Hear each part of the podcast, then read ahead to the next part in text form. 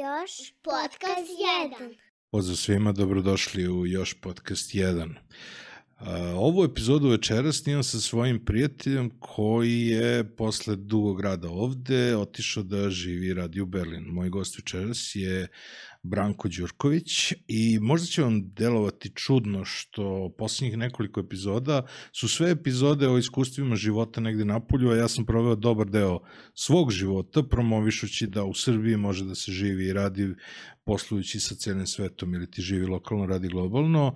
Međutim, upravo sada kada snimam svoje neke poslednje epizode koje radim preko Zoom platforme, želim da porazgovaram sa svojim prijateljima koji su širom sveta, koji su dakle otišli iz Srbije, koji rade negde, da čujemo kako su to neka iskustva, a posle kada budem prešao u studio, onda ću razgovarati sa prijateljima koji žive i rade u Beogradu ili svrate do Beograda u svom ovaj, u svojoj nekoj svakodnevici. Ele, želim da se zahvalim ovom prilikom našem sponzoru, to je Beans Kafa, uz čiju kafu razgovaram sa svojim prijateljima za ovaj podcast. Uh, ukoliko nas gledate i slušate, uh, zamolio bih vas da nas preporučite svojim prijateljima, ukoliko nas gledate, ostavite neki like, uh, subscribe ili ti besplatite se na ovaj kanal. Uh, hvala vam što ste ovde sa nama, a sada uh, moj razgovor sa a, mojim gostom Brankom Đurđevićem ili ti Plagosusom. Dobrodošao u još podcast 1. Ćao, čao, kako ste? Ćao. Uh, Berlin. Sviđa mi se, moram da te, da te, da te, da te, pre, da te prekinem na početku. Sviđa mi se ovaj deo kao krenut ćemo od remote pa onda iz studija zato što cijela ova godina je prošla je nekako bar za nas u IT-u kao rad od kuće, remote mm -hmm. work, tako to. Tako da mi se sviđa to što si kao krenuo sa tim kao ajmo svi odakle god da ste jer kao radite od kuće nije bitno da ste, a onda posle se vraćamo na ono radi lokalno uh, radi globalno. E, ali, ali delimično, je, delimično je bio i štap i kanap. Ja sam dugo, dugo želeo da pravim podcast i onda kao ja trebam i studio, ja trebam i ovo, ja trebam i ono i kao šta mi je najlakše? Pa najlakše mi je Zoom, uzmem, upalim kompjuter i krenem da snimam. Tako da je malo bio štap kanap, a malo je ovaj malo je bila i realnost jer dok sam ja planirao ovo onda je bio onaj onaj najžešći period kada ovaj kada je bilo zaključavanje i ostalo čak i neki drugi podcasteri koji su super popularni u Srbiji su gomilu svojih epizoda u tom periodu radili upravo preko Zuma. I zato mi je negde bilo u fazonu kao daj da, da snimim neki sadržaj, neka iskustva nekih ljudi koji stvarno rade nešto super i već sam ono imao i neki spisak, onda je Minić objavio ču, čuveni, čuveni savet kao napravi spisak od 100 ljudi sa kojima bi razgovarao i onda idi po tom spisku. I tako. To tako je to sve da... po spisku. Bitno je samo da se krene, tako da, lagano.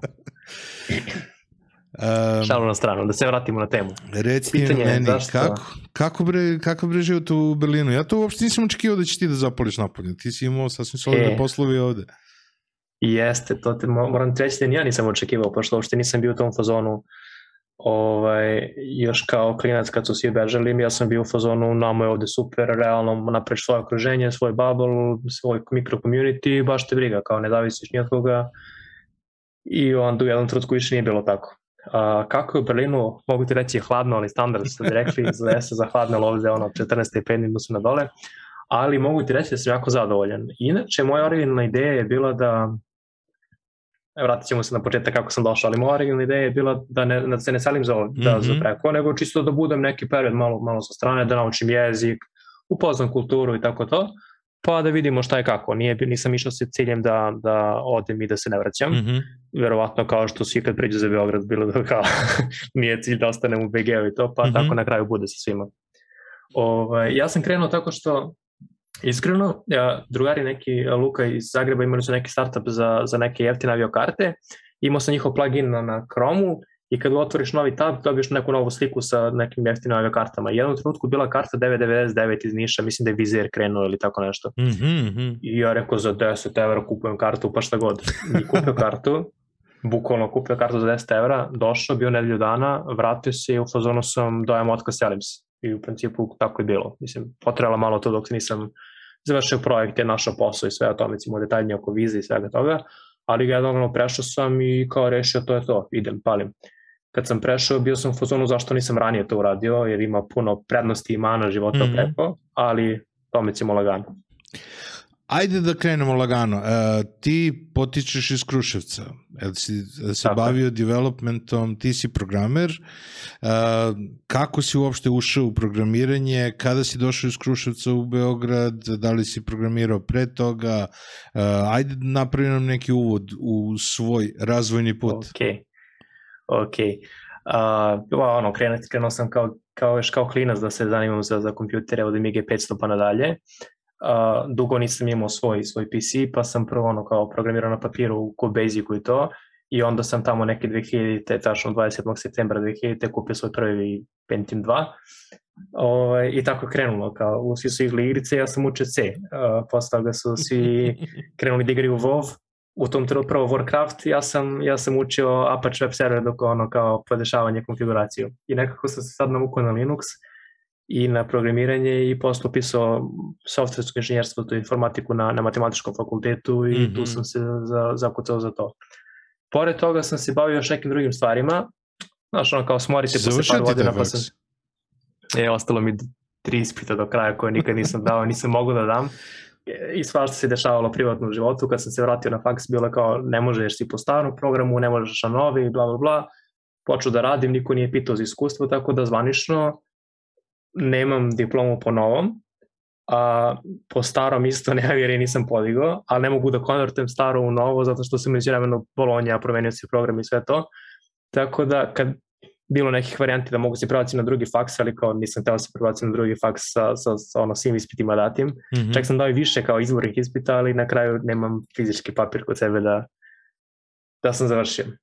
U svakom slučaju matematika, matematički informatika, mm -hmm. uh, u realnom životu koristim možda 10% znanja sa faksa, ali tih 10% je oni koje čine razliku da li znaš zašto nešto radi ili zašto nešto ne radi ili kopiraš kod sa, sa Stack Overflow i nemaš pojma šta se dešava.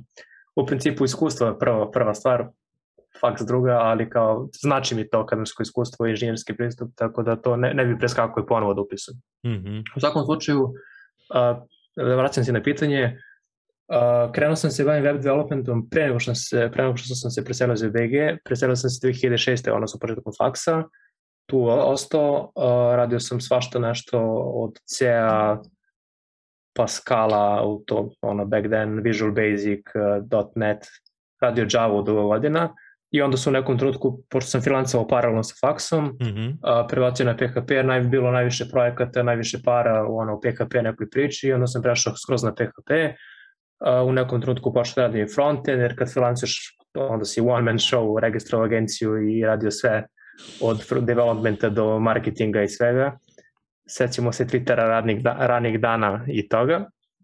U svakom slučaju uvek sam bio kao primarno developer i paralelno sam radio još neke stvari. Mm -hmm. Tako da sam šetao malo po industrijama, ali sam se uvek bavio programiranjem. To me je zanimalo što kad sam bio klinac, volim taj problem solving i, i te neke stvari što god da sam radio, kad sam radio sa igricama, radio sam backend za igrice i te neke Pa to, ja se sećam ali... tog nekog perioda posle 2010. Mislim da smo se mi upoznali negde 2010. Tako da, što 9. 10. Da. Ove, tako da tog perioda, ovaj, ovaj deo mi je falio otprilike. Na kojim zanimljivim projektima si radio tada u Beogradu? Dok si još bio u Srbiji? Pa tada sam uglavnom, ono, kad sam počeo, sam uglavnom freelancovao, pa šta god da naleti sa strane. A prvi neki veći projekti su bili prvi, prvi full-time posao mi je bio zapravo u executive kada smo radili outsourcing za strance od Electronic Artsa pa nadalje i tu smo imali puno nekih zanimljivih projekata, tad su počele Facebook, one Facebook igrice, integracije, mm -hmm. društvene mreže i sve to, tako da sam tad već ono kao u tom trenutku nekih 20 nekih Facebook igrica napravio. A, u, to, u to vreme Jenijek je bio aktualan, tako da neko je pravio fore da smo kao 50% aplikacija pravljenih u Srbiji pravili Enijek ja u, u gaćima u spavaći sobi, ali ono bili smo studenti, freelancovali smo sa strane i kao to ako uspem da dogovorim, ako uspem da dogovorim sledeće epizode sa njim, tako da ovaj, to bih, biće, biće. to bih jako voleo da, to, to već kreće budu... Newsnet priče sve to. Ali, ove, ovaj, da, a, posle kada sam krenuo već da radim ozbiljnije stvari, ozbiljnije projekte, kad sam, kad sam postao full-time web developer, mm -hmm. Uh, šta je bilo to interesantno? Radio sam u nekom game studiju gde smo pola radnog vremena radili na nekom svom proizvodu koji na kraju nikad nije zaživao, nažalost, a drugu polovinu outsourcing za neke druge web aplikacije. Radio sam u Telnoru 2,5-3 godine, na celom njihovom sistemu od API za, za igricu, ceo web shop, uh, customer care, moj Telnor aplikaciju, website, tad sam se ponovo pratio na frontend, napravio ceo, ceo framework za, za, mm -hmm. sa njihovim ikonicama, coding stand, ovim, uh, style guide-ovima i to da može se koristiti, da se reuzuje za druge njihove aplikacije i sve to. I to je bio posljednji neki veći projekat koji sam radio u Srbiji, posle toga sam opet krenuo da je freelancem i, i prešao sa Berlin. Tad sam u tom mm -hmm. trenutku rešio da se selim i onda mi nije bilo bitno šta i kako, bilo mi ideja samo da pređem, pa kad stanem na noge da, da nastavim ovde. Reci mi jednu stvar koju, koju nikad nisam pitao developere, a to je koliko dugo živi jedan projekat?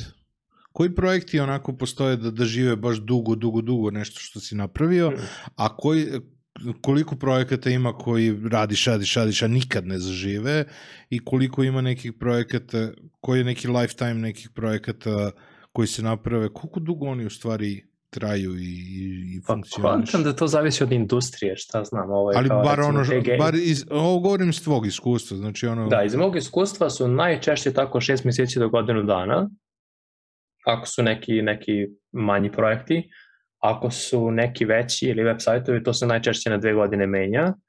Mm -hmm. Postoje stvari koje smo razvijali recimo u Telnoru za neke kampanje pa oni sad nisu sigurni koja će kampanja krenuti posle leta i onda mi cijelo leta pravimo tri različite kampanje, oni marketing odluči da se jednom ide, druge ne, te nikad, nikad ne ode u produkciju. Mm -hmm. I to je nekako, kao developeri ti je najviše žao kad radiš na nečemu i to nikad ne vidi svetlo dana, kao ceo rad. I ti plaćen si ti za to i sve, ali ti nekako lično ti se osjećaš kao, osjećaš gubitak da, da se nešto nikad nije deliverovalo.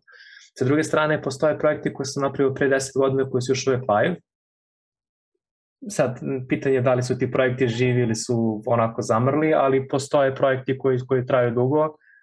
U idealnom slučaju bi trebalo da se kao jedan software evoluira tokom vremena i da se razvija, a ne da se svaki put ubije da se kreće mm -hmm. ponovo, ali to nažalost nije često slučaj što zbog lošeg planiranja organizacije, zbog drugih nekih stvari, ali iz mog iskustva tako, nekcimo godinu dana je do dve najčešće živi jedan projekt, projekat u proizvodu u svom nekom i o originalnom, da kažem, sastavu.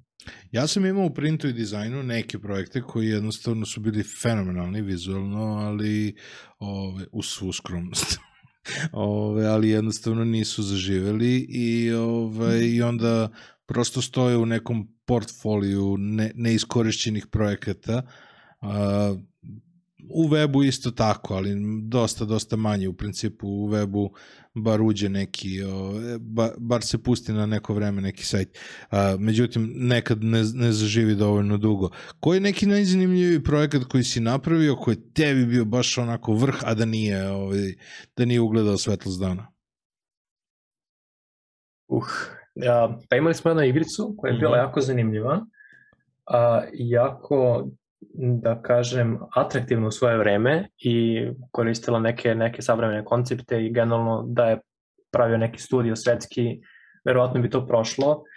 Mi smo tada bili ne, neiskusni marketing, kampanje, sve to nije bilo na mnogo manjem nivou bez nekih velikih budžeta.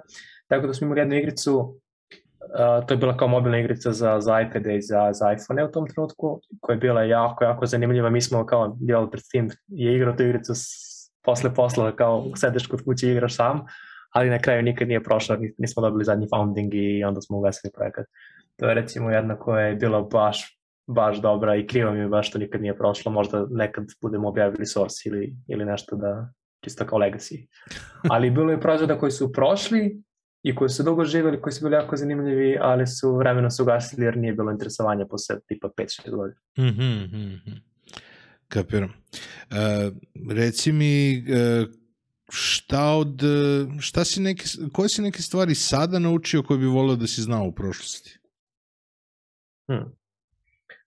Profesionalno, uh, verovatno su to neke stvari koje su vezane za pregovaranje, za postavljanje procesa, i, i, i nekih stvari koje nekako kada radimo sa njima uzimamo zdravo za gotovo, mm -hmm. zato što su tu, postoje, ali nikad ne obraćamo pažnju, ali bez tih, bez tih nekih procesa i bez tih nekih stvari a, postavljanja kako šta funkcioniše, stvari ne funkcionišu i to ono što se ne vidi golim okom kad kažu kao to je preko noći uspelo ili kao usrlo ga, bip, ovdje staviš ono bip, Ove, ovaj, ali ne mora. Sve ima, sve ima svoje, sve ima svoj razlog zašto, zašto postoji, zašto se prati neki proces, zašto postoji testiranje, mm -hmm. zašto postoji ovaj, dokumentacija, na primjer, i tako neke stvari. Konkretizuj mi, na, napravi plastično. Konkretno, pošto sam, na, na primjer, ja, ja sam predavao jedno vreme na, na Science institutu Web Development i onda sam to skontao prvi put kod svojih studenta. Dobiju a to svi imamo tendenciju da, da radimo, dobijemo problem i pre mhm. nego što uopšte razmotrimo šta tu treba da se radi, mi kao krenemo da, da pišemo neki kod. I uvek smo nekako puni sebe kao, aha, znam ja kako to ide, dođeš do nekle, lupiš glavom u zid i posle kao, aha, ili sve od početka ili ga, što kažemo, zbuđeš. I to je neka velika razlika između juniora, midiora i seniora, Dobro. što kao kad si početnik ti si u fazonu malo znam ja sve, daj mi samo da radim i prvo kreneš da radiš bez da si napravio plan šta ćeš i kako i kojim prioritetima, a kada imaš iskustva, najmanji problem je kodiranje. Čak i ako nešto ne znaš, provalit ćeš kako ide šta, bitno ti je šta se radi, kojim redosledom, kojim postupkom, šta ako nešto ne može i to. Tako da to nešto sam, to je recimo stvar koju sam najviše naučio iz iskustva je da samo kodiranje je najnebitnija stvar, može bilo kod iskodira, bitno je šta se radi zbog čega i kako pivotuješ sa proizvodom ako se nešto menja umeđu vremenu, jer kao kodiranje i development traje neko vreme, svašta se može promeniti umeđu vremenu, kao šta ako se nešto promeni, ne možeš da kreneš s jednom idejom i da se držiš kao ono slep plota šest meseci i na kraju, e, završio sam nešto. Kontam da je to naj, naj, najkorisniji savjet koji bi mogao da dam nekom kao pre nego što kreneš smisliš šta radiš i kako i onda posle kao razbij ga na sitne delove mm -hmm. i mhm. onda kao kreni. Reci mi, došli si iz Kruševca u Beograd. Uh, kako nastaju tvoji prvi poslovi? Kako si se brendirao, kako si se povezivao sa ljudima, šta si koristio pre, pre Twittera? Da, da, da, zanimljiva priča, moj prvi posao, prvi, prvi ever posao koji sam imao. Uh, imao sam drugara koji je nešto freelancovao, pa je imao deadline koji nije mogo da stigne i pitao me kao usput ili bi kao htio da mi pomogneš, kao znamo se, radimo zajedno, bla, bla, kao ili bi kao mogo da mi uletiš. I ja kao hoću, kao radimo šta god, mislim da sam bio čak i prva, prva godina faksa. Mm -hmm.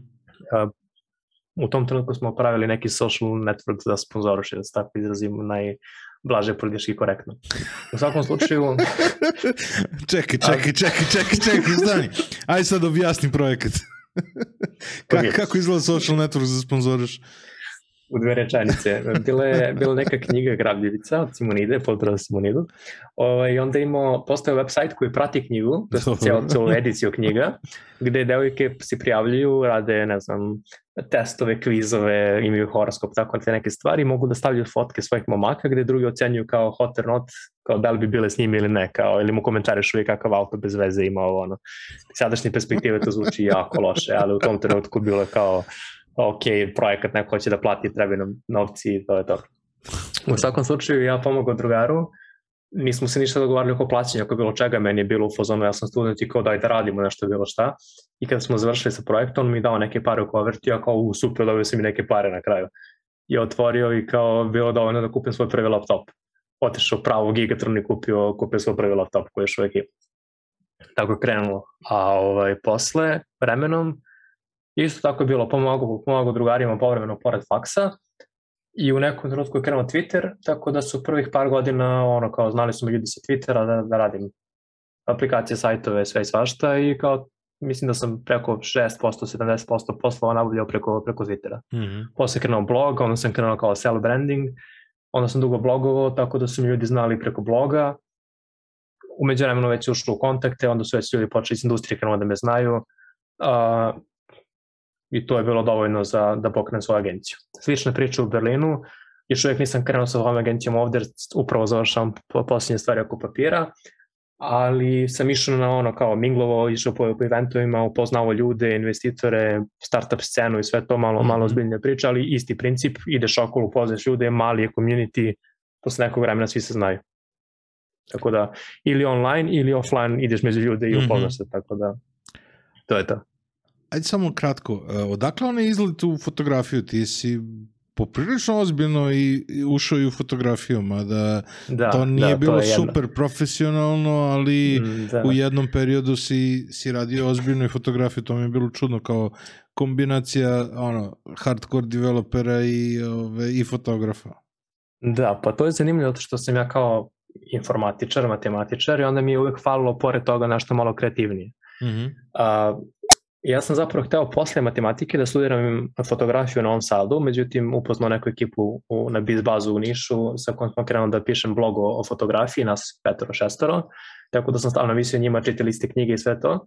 Tako da mi je fotografija bila zapravo kao neki ono ekstra hobi, Mhm. strast, slash strast, slash zanimacija. I onda sam se bavio time dosta aktivno, ali ne profesionalno, nego onako više iz hobija, međutim to se već preplitalo sa freelancingom i, i kao s manjim projektima i nikad nisam se bavio time profesionalno samo time, ali sam se par godina bavio ozbiljno fotografijom i onda sam zapravo hteo da se prebacim na video. Mhm. Bilo je puno posla u, u IT-u, pa nisam. I onda dok sam čekao vizu za Berlin, to je zanimljiva priča, dok, pošto viza, čekanje vize traje neko, neki period, dok sam čekao vizu za Berlin, ja umeđu vremenu završio digitalnu video produkciju, tako da sad tu foto opremu konvertujem lagano u video opremu, evo sad na stolu imam ono kao tonu objektiva nekih različitih i čeka da se, da se, da se proba i to. Sjajno. Ali da, ideja mi je da se sa, sa, foto, sa, sa foto prebacim na video, pošto kao smanjio sam i blogovanje, više nekako hoću da tu kreativu uh, usmerim u, u video, pošto to je kao naj, najzanimljiviji medijum u ovom trenutku. Pa da, ti si išao uvek u korak sa vremenom, tako da, s obzirom da si u, u, ranim, u ranim danima koristio veoma ozbiljno blog za sobstveni branding, sad su ono video formati postali praktično standard za kreiranje sadržaja, tako da Pa, Kapir. jesu, ali ima ta neka stvar, kad dođeš do nekog nivoa, onda kao kreneš da, da step upuješ level na kome radiš i onda ili kao napreduješ ili ostaneš na istom nivou. Ja lično kad, pošto imam puno toliko nekih hobija, kad dođem do nekog nivoa, meni to više nije toliko zanimljivo, zato što mi je to hobi, nije mi primarni svod prihoda mhm. I onda mi je to super, zato što posle dve godine fotografije mogu da se prebacim na nešto drugo. Kao ne živim od toga, radim dok mi je zanimljivo. Tako da sad mi je ideja da se prebacim na video, vidjet ćemo šta će biti s time. Kao, kad bi morao time da se bavim, vratno bi me smoralo posle nekog vremena, što je super jer sam primarno developer, tako da od toga kao živim, a onda imam mogućnosti da se pored toga bavim nečim što mi se sviđa. Jer ako bi se bavio samo developmentom i da kao ranije, kad dođem s iz hobija nešto programiram, vjerojatno bi me to smorilo posle nekog vremena. Ako mi je to kao neki side, side creative, šta znam, ono kao ventil. Reci mi, kako si se brendirao u Nemačkoj po? Znači, znam da si ovde bio prepoznatljiv po nadimku Plagusus koji si koristio kao username na Twitteru, Da. onda su ljudi povezali Branko Đorković sa, sa tim, pa me sad interesuje kako, često su neka naša imena i teška za, za izgovor strancima, kako, se, kako počinješ branding u inostranstvu? Da, ovaj, e, naša imena su užasno komplikovana strancima i onda sam baš razmišljao o tome kao šta je, kako, pošto imam kao Twitter na srpskom, imam Twitter na engleskom koji slabo koristim ili kao postoji, nikad nije zaživao. Kakav ti je bio A, Twitter na engleskom? Twitter na engleskom je Brankovski, Aha, aha. kao dobro. i dalje je naše, ali kao nema mnogo smisla. Dobro. U samo strancima je lakše, nebitno. Ovaj, kada sam se preselio za Berlin kao pravi svaki pravi hipster, prvo sam kupio taška Berlin domen, uh, zvao sam Valexi da mu kažem Valex, od kada ovo postoji, zašto tačka Berlin postoji ono kao, i kako ja to da uzmem. Tako da sam prvo registrovao tačka Berlin domen i tu krenuo da blogujem. To sam malo zapostavio, vratit ću se na to u nekom trenutku, ali kao novo ime, novi branding, novo, nema, ništa nema veze sa Srbijom. Zato što ima Ali koje, ime moment. tačka Berlin? A, ime je zanimljivo zato što je šema.berlin, ali na nemačkom je ono kao schema.berlin, Aha, dobro. jer mi je to igra reči i Plagus je bilo igra reči ako se sećaš, samo na latinskom, Ne ovo je na se. nemačkom. Ne sjećam se ja, odakle uopšte potiče Plagosus. Uh, da, to, to ću pričati nekom drugom prilikom. Ima, postoji više, te, više škola mišljenja, ali Dobro. kad smo kod šeme, postoji šema koji je u originalu znači ono blueprint kako nešto funkcioniše i to. Dobro. Tako da mi je originalna ideja za, za blog bila da a, objašnjavam našim ljudima kao kako da nađeš posao ili kako se prebaciš, ako si se već preselio, kako da nađeš internet, kako da, uradi, kako da kupiš kartu za prevoz, kako da platiš kaznu, kako da uradiš, ako si se već preselio i živiš tu, kako da uradiš povraci i poradi, te neke stvari više kao plan neki, gde je podeljen kroz neka svoja lična iskustva, a u isto vreme, što bi rekao C registro, a, šema na srpskom znači kombinacija. Mhm. Tako da u, isto vreme kao obja, da pomognem drugim ljudima kroz svoje neke kroz koje neke iskustva, ali u isto vreme kao neki life hack kroz kombinacije kako da završiš nešto što ti treba bez da ideš dužim putem. Neku tako da to je šemu. originalna ideja. Da, neku šemu. Tako da I paralel- šema.berlin. I paralelno sa je- tim je šema.org postala standard za strukturisanje podataka. Da vam, sve ima sve nekog smisla. Tako da volim te igre reči, to je neka ideja za, za sledeći projekat koji kreće vlog kroz blog, kroz vidjet ćemo šta će tačno biti. Ovaj, ali da, novo ime, novo sve, staro smo ostavili za sebe, neka stoji. Ok, 10 eura za kartu, Berlin. Da, prešao prvi put, vratio Mhm. se, rešio to, selim se. Kad su mi ljudi pitali kao, ok, šta ti se svidelo, nisam imao nijednu posebnu stvar da kažem, e, to mi se svidelo najviše, jednostavno sve zajedno mi se svidelo, ono kao već sam znao neki vibe kako, kako je u gradu, u principu Kad je to isto kao bilo? Pre BG, koliko tačno? 2018, Mhm. tri godine. Ovaj, vibe u gradu je isti kao BG, znači tačno imaš deo koji je Sava Mala, imaš deo koji je Dedinje, imaš deo koji je ono Voždovac, imaš deo koji je Vračar, bla bla, znači isto samo se, samo bez gužvi, znači nemaš gužvu u saobraćaju i više se pričaju svi drugi jezici sem nemaš. Jesi bio na Karaburgu? To je jako zanimljivo. Mislim da još nisam zašao dotle. Dobro. Nisam, nisam siguran da smem zapravo. ali, ali je kao BG, evo samo sve opuštenije i, i, i nema gužve. To je, to je prvi utisak bio. Mhm. Tako da, da sam krenuo da tražim posao preko LinkedIna, to ono kao kad si developer prvo odeš na LinkedIn i kucaš PHP Berlin ili Web Development Berlin, aplicirao na prvih par poslova, niko me nije zvao, aplicirao na prvih 20 sledećeg dana, krenulo da, da, onda stižu neke ponude, par meseci kasnije potpisao ugovor, čekam vizu, prešao u principu bez nekih većih problema. Dobro, ti si programer, otišao si u Berlin, logično je da pronađeš posao. Koliko teško ljudima je... Pos... Kako je situacija generalno sa, sa drugim nekim poslovima? Pa generalno, trenutno, trenutno stanje je tako da malte ne za svakog ima posla, ali se za neke, zavisi od industrije, za neke industrije se lako dobija viza, za neke industrije se jako teško dobija viza, za, za sve ima posla, znači traže posao od, od čistača ulica, rada u kafiću do doktora. A, s tim što za doktore i za programere, uključujući te visoko obrazovane a, profesije, se Mhm. jako lako dobije viza i brzo traje ceo proces. Dok recimo za vozače kamiona i te koliko, koje inače isto traže, se čeka po godinu dana i, i duže se čeka samo na vizu. Mhm, mhm. U principu, najveći, najveći problem je viza, čekanje, dobijanje termina za vizu u Beogradu, dok samo nalaženje posla ovde nikakav problem nije. Mhm, mhm. Bukvalno industrija je takva da, mislim, situacija je takva da za sve ima posla. Dobro, E, kako? druga, stvar je, druga stvar su plate. O tome možemo da pričamo detaljno. Ajde, Znači, posla ima, dobro, plate su druga priča. Ono što ljudi iz Srbije ne razumiju, dobro. zato što u Srbiji trenutno postoji kao prosečna plata, pa postoji programerska plata koja je nerealna. Mislim, dobro. nije realno da programer ima veću platu od doktora. Mislim, ja sam programer, ali nerealno.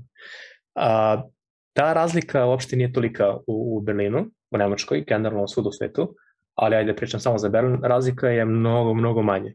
Znači, ako programer ima prosek puta 4 puta 5 platu u, Srbiji, ovde ima ili prosečnu platu ili malo veću. Što uopšte nije loše, samo je drugi neki koncept. Zato što ako neko se ko radi na građevini, sa 300 evra dođe na 1000 i po, njemu je to jedna razlika, a kao- ti kao programer sa 2,5 pređeš na 3,5, to je druga razlika. Mhm, Uopšte mhm. nije, Manji nije je toliko skok. nivoa. Manji je skok. Sa druge strane, sa manje para možeš više toga da priuštiš, što je jako čudno. Kako to? Ovaj, pa, na primjer, a hoćeš da kupiš bilo što od bele tehnike ili automobil ili bilo šta, samo dobiješ na rate, bez kamate. Odeš i dobiješ šest meseci na, na šest meseci bez, ono, bez kamate. Hoćeš da kupiš novi auto, 0%. Ja sam kupio, no, znači nikad u životu nisam verovao da ću kupiti novi auto iz fabrike. Otišao sam u Minhen i uzeo ono, iz fabrike auto. Znači, koji ti kad se računaš na kraju dana je jeftinije nego da kupiš polovan.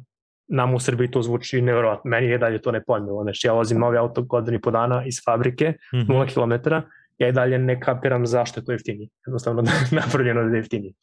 Tako da sa manje para možeš više toga da priuštiš Dobro. I neke stvari su jefti, puno, jako često su stvari jeftinije nego u Srbiji. Hrana je slična kao kod nas, stanovi su skuplji i sve ostalo je jeftinije. Aviokarte, znači odeš na bilo koji sajt za avio, avio kompanije i gledaš karte za sad za vikend gde možeš da odeš, prosjek ti je 30 evra do Rima, do Atine, do Londona, do dokle god hoćeš. Mene Nemci, ono kao kad sam krenuo da radim prvih par meseci, svakog četvrtka me kolege Nemci pitaju kao any plans for weekend i ja u fazonu kao kakav plan za vikend, brati, idi napisi da ne budeš toliki nemac kao mora planiraš da ćeš za vikend. Dobro. Kako je div. I onda skontam da svakako oni svakog vikenda su negde. I ti kad vidiš samo avio karte, kao, kao ta moja kad se pojavila za 9.99, oni stalno imaju takve karte za cijelu Europu. Aha, aha. I ono kao, ako ništa drugo, vredi da si, da si u Berlinu zbog, zbog ono kao avio huba. Ti imaš svakog vikenda možeš da odeš bilo gde za 20 evra. Povratna karta, nevjerojatno. Ja samo zbog toga bi se preselio ranije ako ništa drugo, a, a naravno puno toga ide u paketu. Tako da sa manje para možeš više da postigneš. S druge strane, mnogi troškovi su dosta manji, osim stana naravno koji je paprano skup, posebno u odnosu na Beograd. Koliko su stanovi? ovaj, pa prosjek je nekih 1000 evra. Znači ide od 800 do 1200, 1400, ali default ti je ti 1000 evra, pa sad ono baseline je 1000 Koji je to red veličine stana? Svi su stanovi isto. Kao što su ti u Beogradu do skoro bili svi 250 evra, znači garsonjera, trosoban, svi su 250 evra bili, ovde su ti 1000. Ja, ja kad sam tražio posljednji stan u BG, bila je garsonjera od, od jedno, neki jedno i posoban stan kako je 36 kvadrata, je bilo 250 evra u Belvilu. Kod piramide je bio trosoban 250 evra, niko neće veliki stan zbog troškova. I ja na kraju sam živao kod, na, na, na, na, kod opštine Novi Beograd za 250 evra dosoban, Mm. mm. sve isto košta. To je skupo, sve, sve osim toga je ili isto ili jeftinije. Mhm. Hrana i te stvari su ili isto ili jeftinije. E, ja, čak ja prvi posao kad sam dobio, meni je ideja bila samo da, da mi srede papire, zato što to kao nama najveći stres za papire i to, jer nismo, nismo u Europskoj uniji, osjećamo svoje kao third world country.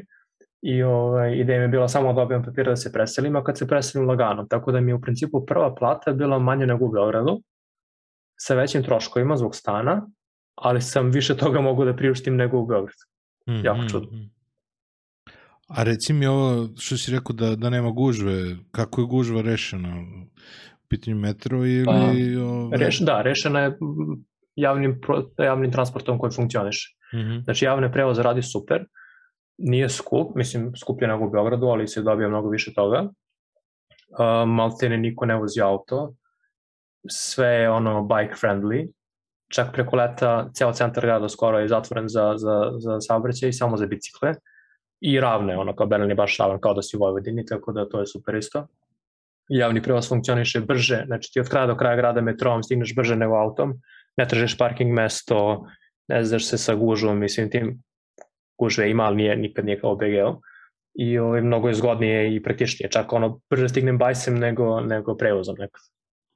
Kolima da ne pišeš, nekad park, desno da tražiš samo parking mesto, a Što si, bajsem si već što za to si vreme. onda kupovao auto?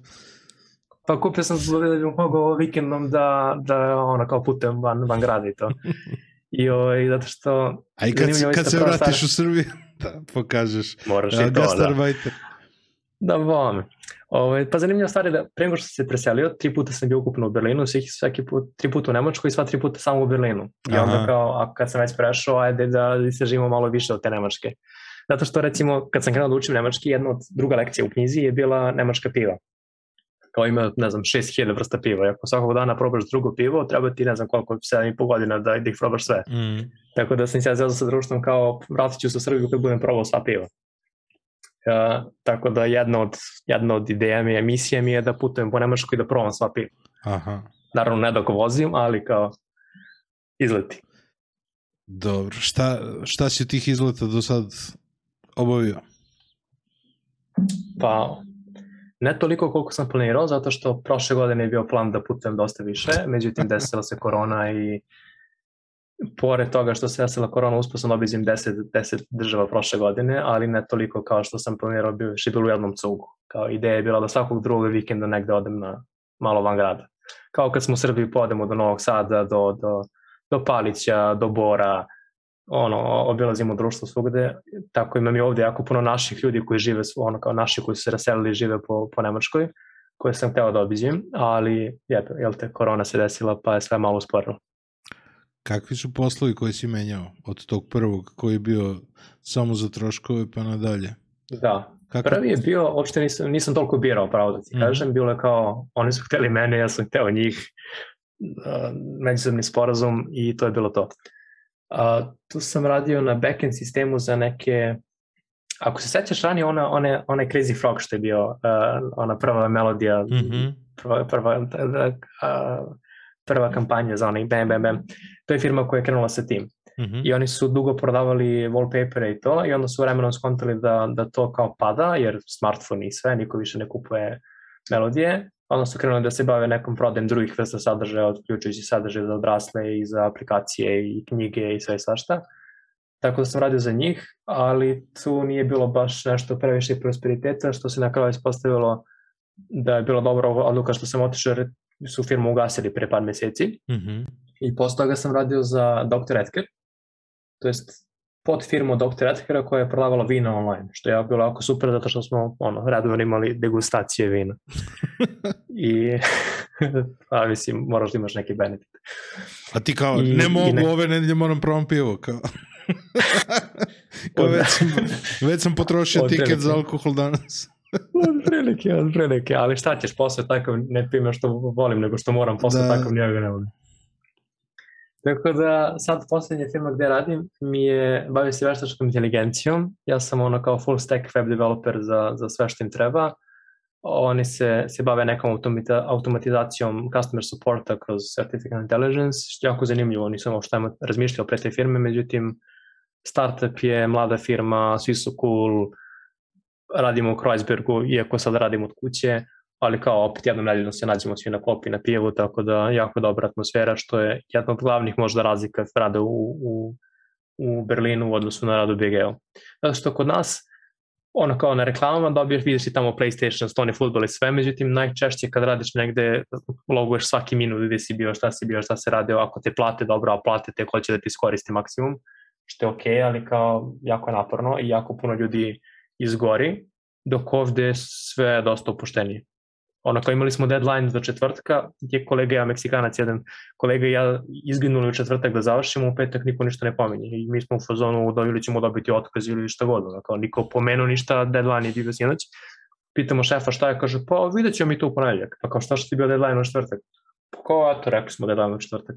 Pa kao šta da nismo stigli? Pa pomerili bi deadline. Kod nas u Srbiji toga često nema. Ako je deadline u petak, to se ne spava završava su petak. Tako da, ono, drugi je, drugi vibe skroz. Mnogo manji pritisak, sve opušteni. Što bi rekao nije, ako ne može se završiti za noć, ne može se završiti. Što bi rekla Aleksova baba, ne mogu ja sine pre nego što mogu. Reci mi, ove, ovaj, koliko ima nekih uh, interesantnih iskustava u Berlinu? Pa ima svega. Zavisi od toga koliko, koliko Pode, ljudi vole da istražuju. I... Podeli nešto što je onako za podcast. ne moraš baš ono, deepest. Evo. Evo. no, šta god da mi padne na pamet nije za podcast. Ovaj. Bar ne za ovaj podcast, ono, demonetizovat ćete. Mogu bi, mogu bi kod Kojeta možda to da ispričam, ali kod tebe baš idem. Pozdrav za, pozdrav za Kojeta. Pozdrav za Kojeta. Pozdrav za Kojeta.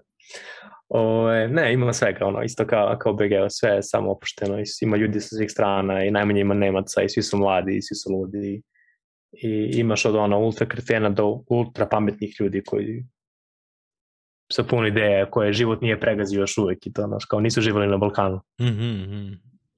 A reci mi, koliko si, koliko si upoznao Balkanac? Odnosno, naših Pa iskreno se ne trudim previše, Da, ne trudim se previše da, da se družim sa Balkancima, ali imam ono dobre raje ono, sa iz cijele XU, što sa Twittera, što sa, što sa nekih uh, događaja. Ima dosta naših ljudi, ima dosta naših ljudi u IT-u, mm -hmm. uglavnom sam sa njima u kontaktu, zato što ovde čak uh, ona ekipa iz Nemačkog kutka organizuje stalno druženje IT-evaca u Berlinu, mm -hmm. balkanskih IT-evaca u Berlinu, što je super, zato što svako ima neke kontakte, podelimo međusobno kao šta kome treba, jako zgodno. Nije, nije, nisam bio prošle godine zbog korona i svega toga, ali kad sam se preselio prve godine dana su stalno, makar jednom u dva meseca su bila ta okupljenja, što je jako zgodno i ono kao veća community, sve, svi znaju jedni s drugima. I ima naših ljudi, mogu ti reći, od ono investicijnih fondova do, do developera, do šefova u različitim firmama, dosta se dobro kotiramo, ono kao nismo, nismo indici, da tako kažem, politički mm -hmm. nekorektno, na, na dobrom smo glasu kad kažeš nismo indici, koliko ima e, ljudi sa istoka u Berlinu? Ja mislim da Berlin ima svih, ovaj, ima, da, svih, svih nacionalnosti. Svih. To se, to se najlakše skonta po hrani. Ja tako sam ja skonta, kao imaš, aha. ne znam, ono, vijetnamske hrane, indijske, turske, bla, bla, i po količini uh, tih restorana skontaš koliko zapravo ljudi iz tih nekih uh, grupacija ima. Ima, u Berlinu ima svega. Znači, više čuješ španski, italijanski, ruski, poljski nego, nego nemački. I bukvalno ono kao što je tiče hrane restorana ima svega iz cijelog sveta. Ja kad sam se preselio prvih šest meseci sam svakog dana probao različitu hranu. Mm. Suši sam samo i burgere ponovio jedan put. Sve je bilo super. Sve je bilo fenomenalno, nikad nisam probao ništa da je bilo loše, bilo ili dobro ili super. Mm -hmm. I po tome skontaš da ima ljudi sa svih strana, zato što gde god ima ljudi ima i potražnje za, za ono kao lokalnim stvarima. Kapiram, kapiram. A kad kažeš ne, slabo se čuje nemački, koliko ti u praksi treba nemački? U Berlinu ti ne treba maltene uopšte. Dobro. Znači ja kao krenuo sam naučim pre nego što sam se preselio, čak i to što sam naučio sam zaboravio kad sam prešao, sad sam krenuo kao ponovo malo, sad sam na krećem B1, ali u principu jedino pivo narušeno na nemačkom fore radi sve na engleskom, bukvalno ceo grad sve na engleskom treba ti nemački jedino kad odeš u neku državnu instituciju da produžiš vizu ili tako nešto, pojma tu samo najosnovnije, kao dobar dan, dobar dan, kako ste, šta ste, šta ti treba, to mi treba, to je to. Bukvalno je grad, nije Nemačka, Berlin nije Nemačka, ono kao, čak i za Nemci nije Nemačka, Nemci kad, kad hoće da, da odu u neko drugo okruženje, oni pređu za Berlin.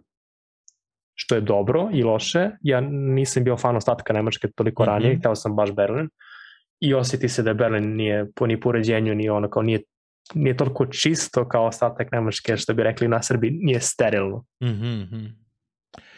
Ja, Osjeti se da je internacionalni grad. Ja sam učio nemački u osnovnoj i onda, ovaj, i u srednjoj, što što pričam. I onda kad smo bili u Cirihu, žena i kuma su hteli da, da me na, da me nameste da pričam nemački i onda kao idi u banku, znaš, kao bank, banci se sigurno priča nemački ja uđem u banku i na, na kartici piše, da, na, na tegu piše Daniela. Tako da to to. nisam to uspeo ni, ni, tu, ni tu da pričam. Imao sam tih iskustava pre nego što se preselio, prvi put u neke nemačke zemlje mi bio u baš Cirih i rekao, ajde sad ću da krenem kao to malo što sam naučio i ulazim u radnju sa drugarom i oni kažu nešto, ja se okrećem kao šta su rekli, kao dobar dan. Ako je te ni dobar dan i se znao da, da, da, da razumem ono kao totalno drugi jezik. A to sa našima mi se stalno dešava, ono kao ne znam, naručuju patike preko neta, pa ne menja sam adresu, stigla na pogrešnu adresu, zavao tehničku podršku da da im objasnim da nije više ta adresa, treba mi novi zip kod i sve, mm -hmm. i objašnjam ja onako napadam nemački i jedan trenutku me lik pita kao kako bi se to rekli na srpskom hrvatskom. I ja kao 10707 mi kaže hvala. hvala tebi. Jeste mi se da ono, ono kao jedan u, pe, jedan u tri slučajeva kad sam pričao sa nekom tehničkom podrškom bio je neko sa Balkana. Naših ljudi ima svuda. Uh, kako u principu naši ljudi pronalaze posao? Ne, ne verujem da baš svi imaju uh, sposobnosti koje imaš ti i smisao za networking, što bi se reklo. Uh, šta, šta bi savjetovao naše ljude koji traže posao? U mhm. ostalom. Pa, opet, Sve ljude, ali opet, naši, naši će da, da. razumeti ovaj podcast. Da, naši će razumeti problematiku kao feel the pain. Uh, zavisi od industrije. Ako je nešto iz IT-a LinkedIn, samo na LinkedIn stavite da, da tražite posao i jurite preko LinkedIna. Savet za, za optimizaciju LinkedIna je odete na prvih 20 oglasa zato što tražite, vidite šta se tačno traži, koje stavke, ili to doučite ili ih stavite u svoj CV, u svoj LinkedIn. Imam recimo na blogu tekst kako se piše CV za nemačko tržište, pošto oni vole neke stvari specifično, to je isto zgodno da se, da se uradi, i apliciranje preko neta. Tako da za IT-evce je samo LinkedIn. A, za ove druge, tipa vozači, doktori, oni verovatno znaju gde je traže, uh, verovatno znaju nekog ko se time bavi i onda najbolje da pitaju njih, zato što zavisi baš od industrije. Znam da nema problema što se nalaženja posla tiče, samo treba, treba naći neki kontakt. Mm -hmm. Tako da ono kao word of mouth pre, preko preporuka to uvijek bilo dobro. I još je zanimljivo da recimo od prošle godine jako puno firmi se okrenulo za, na rad preko preko neta remote radi sve to, to je postalo to za mi je polovinu uvijek bilo firmi interesantno. standard. To mi je uvijek bilo interesantno Da. i baš uh, o tome hoću i da, da pričam i sa, i sa Nebojšom. Nebojša ima jedan dobar ovaj, tweet uh, onako thread koji je baš onako ozbiljno pričao na temu uh, remota, koliko u stvari ovaj sadašnji remote je zapravo evoluirana verzija uh, remota koji se smatrao da je uh, prilagođen samo digitalnim nomadima. Da, rad, da remote rad od kuće nije isto što, od, ono što smo smatrali da je remote iz prošlosti kada je bio okrenut ka digitalnim nomadima. Da, postoji i dosta velika razlika koja nije očigledna možda na prvi pogled. Sve se svede na kulturu kompanije, kako, mm -hmm. kako oni to gledaju na te stvari. Recimo, kada je počela korona, svi smo krenuli da radimo od kuće, ali to je bilo kao benefit. Znači ti kao imaš benefit da možeš da radiš od kuće. Za razliku od kompanije gde sada radim, koja je remote first, Mm -hmm. gde sve, svi procesi su postavljeni tako da ti radiš remote. Čak i ako odeš u office, ti se kačeš na sastanke preko kompa, iako si u istoj zgradi. Mislim, možeš da prisutuješ, ali kao napravljeno tako da ako si remote, ništa ne propuštaš i to nije neki bonus, nego je stanje mm -hmm. stvari. To se sad odnosi na sve, od toga da ako kompanija nije first, remote first, onda ti možeš da radiš remote, ali ako putuješ u drugu zemlju, to je jako komplikovano, jer ono, kao drugačiji su porezi, drugačiji su zakoni, dok razli firme koje se bave remote first imaju to sve već pokriveno i nije problem, nije cimanje ako odeš u drugu zemlju, radiš iz Srbije ili bilo dakle, mm -hmm. nego samo prijaviš se da radiš u druge zemlji i to je to.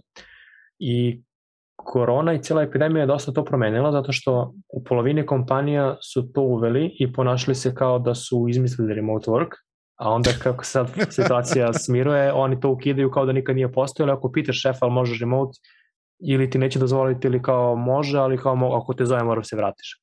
To je jedna stvar.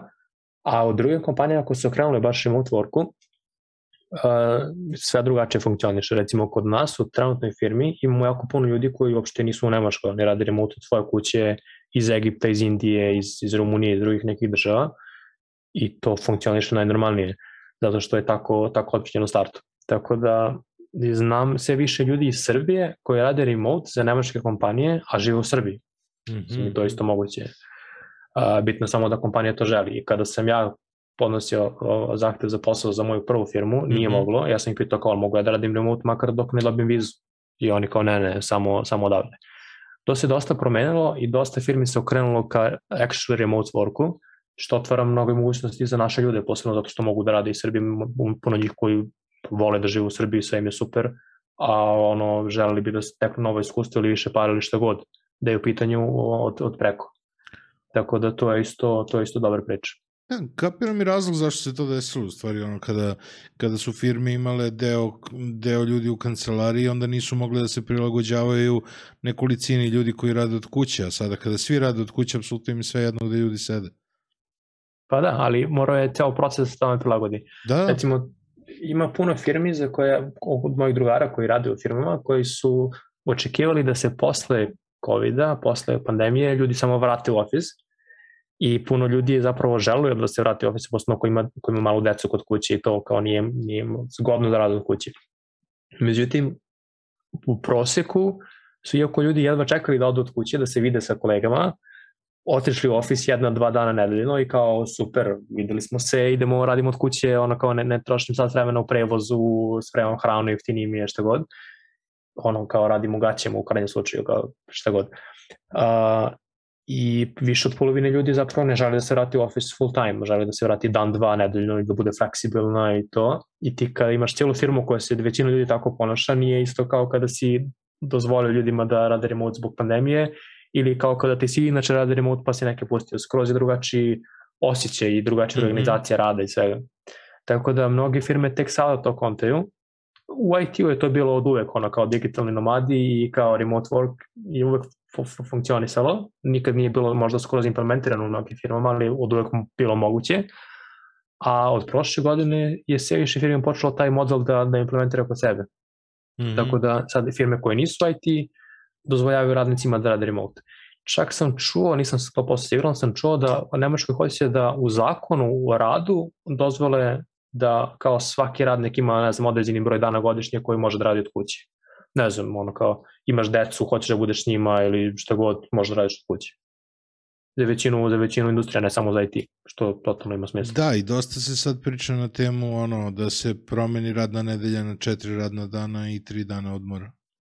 Kao jedan, da, mislim da kao, da to ima, ima jako puno smisla. Kao mogućnost, u stvari, to je, trebalo bi to da bude kao jedna od opcija, dakle da ti možeš da odlučiš šta želiš, ovaj, koji da. benefit želiš.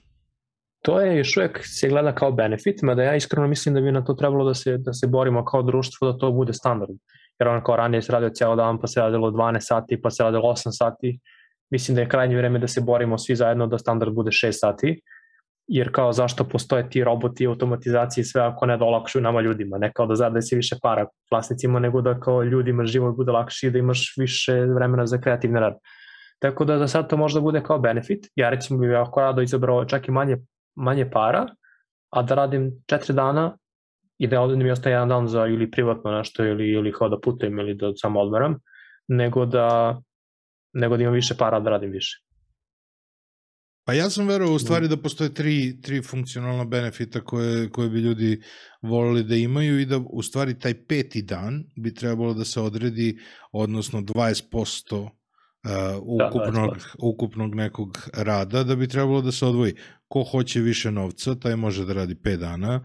Ko hoće da se usavršava, umesto, tih, uh, umesto tog petog dana, peti dan može da posveti svom usavršavanju. Ako želi da se posveti porodici, može da bude, odnosno svom nekom slobodnom vremenu, bi trebalo da ima. Da. Znači, to su neka tri benefita koje, za koje ja smatram da bi svako trebalo da ima kao opciju ono, prilikom zapošljavanja, šta bi voleo od te tri stvari. Jer ja kapiram da, da te tri stvari su negde ovaj, fundamentalne kod svakog od nas. Znači, ili želiš da se usavršavaš dalje, a ukoliko si na početku karijere, ili ako si ono, grinder i želiš da zaradiš više, želiš više para, želiš da radiš više, nije ti problem. Da. Ove... Ovaj, ima smisla, svako ima svoje prioritete koje god da su i može Čak da neki poslovi, neki poslovi na zapadu imaju ono, naročito E, zdravstvo i edukacija imaju koliko ti procenata radiš od ukupnog vremena, imaju ono kao radim sa 60% i ostalo. To čak mislim da postoji u Srbiji u, ove, u našem obrazovanju, ono, da nastavnici imaju, da li imaju pun fond ili imaju 60%, 80% ili dopunjavaju ovaj, dopunjavaju tako. E, reci mi... Da, pa ja sam gledao neke istraživanja gde ono kao u zemljama gde su se pratili na 6 sati su ljudi produktivni zapravo rade ili isto ili više posla nego za 8 sati. Mhm. Mm Kako interesantno. Kompresuju sve. Pa da, ono, završiš šta imaš, ideš kući, ono, ako da. kad znaš da moraš 8 sati, ti se nekako da popiješ kafu, a ono, mislim, uvek ima taj moment sa kafom, mm. gde god i ono, kad su Nemci, Japanci, oni popiju kafu. Nije kao mi da sedimo napolju sad vremena, ali kao, ne možeš da radiš aktivno za 8 sati. Ok, reci mi šta je još promenila pandemija u Nemačkoj? Uh, ono što sam prvo primetio je da se malo promenio, malo, značajno se promenio čim smo vi to primetili, uh, sistem vrednosti kod ljudi. Uh, nisam siguran da se to u Srbiji toliko vidi, opet ne provodim toliko vremena sa našim ljudima, a da nije remote, ali ovde se baš to osjeti da su ljudi počeli da manje para troše na neke stvari, a više na neke druge. Mm -hmm. Recimo, mnogo manje ljudi troše novac na garderobu ili na neke nepotrebne stvari koje nisu krucijalne za život, jedno je kada ti nešto baš hoćeš da imaš pa kupiš, ali generalno ne, ne, procentalno ljudi mnogo manje, ovde se jako puno toga, toga prati koliko procenta trošiš na što, kao toliko procenta trošiš na stan, toliko na auto, toliko na, na kulturu, ljudi procentalno manje troše stvari na nebitne stvari, na neke opcione, na mm -hmm. upgrade stvari, a više troše na neke svoje hobije.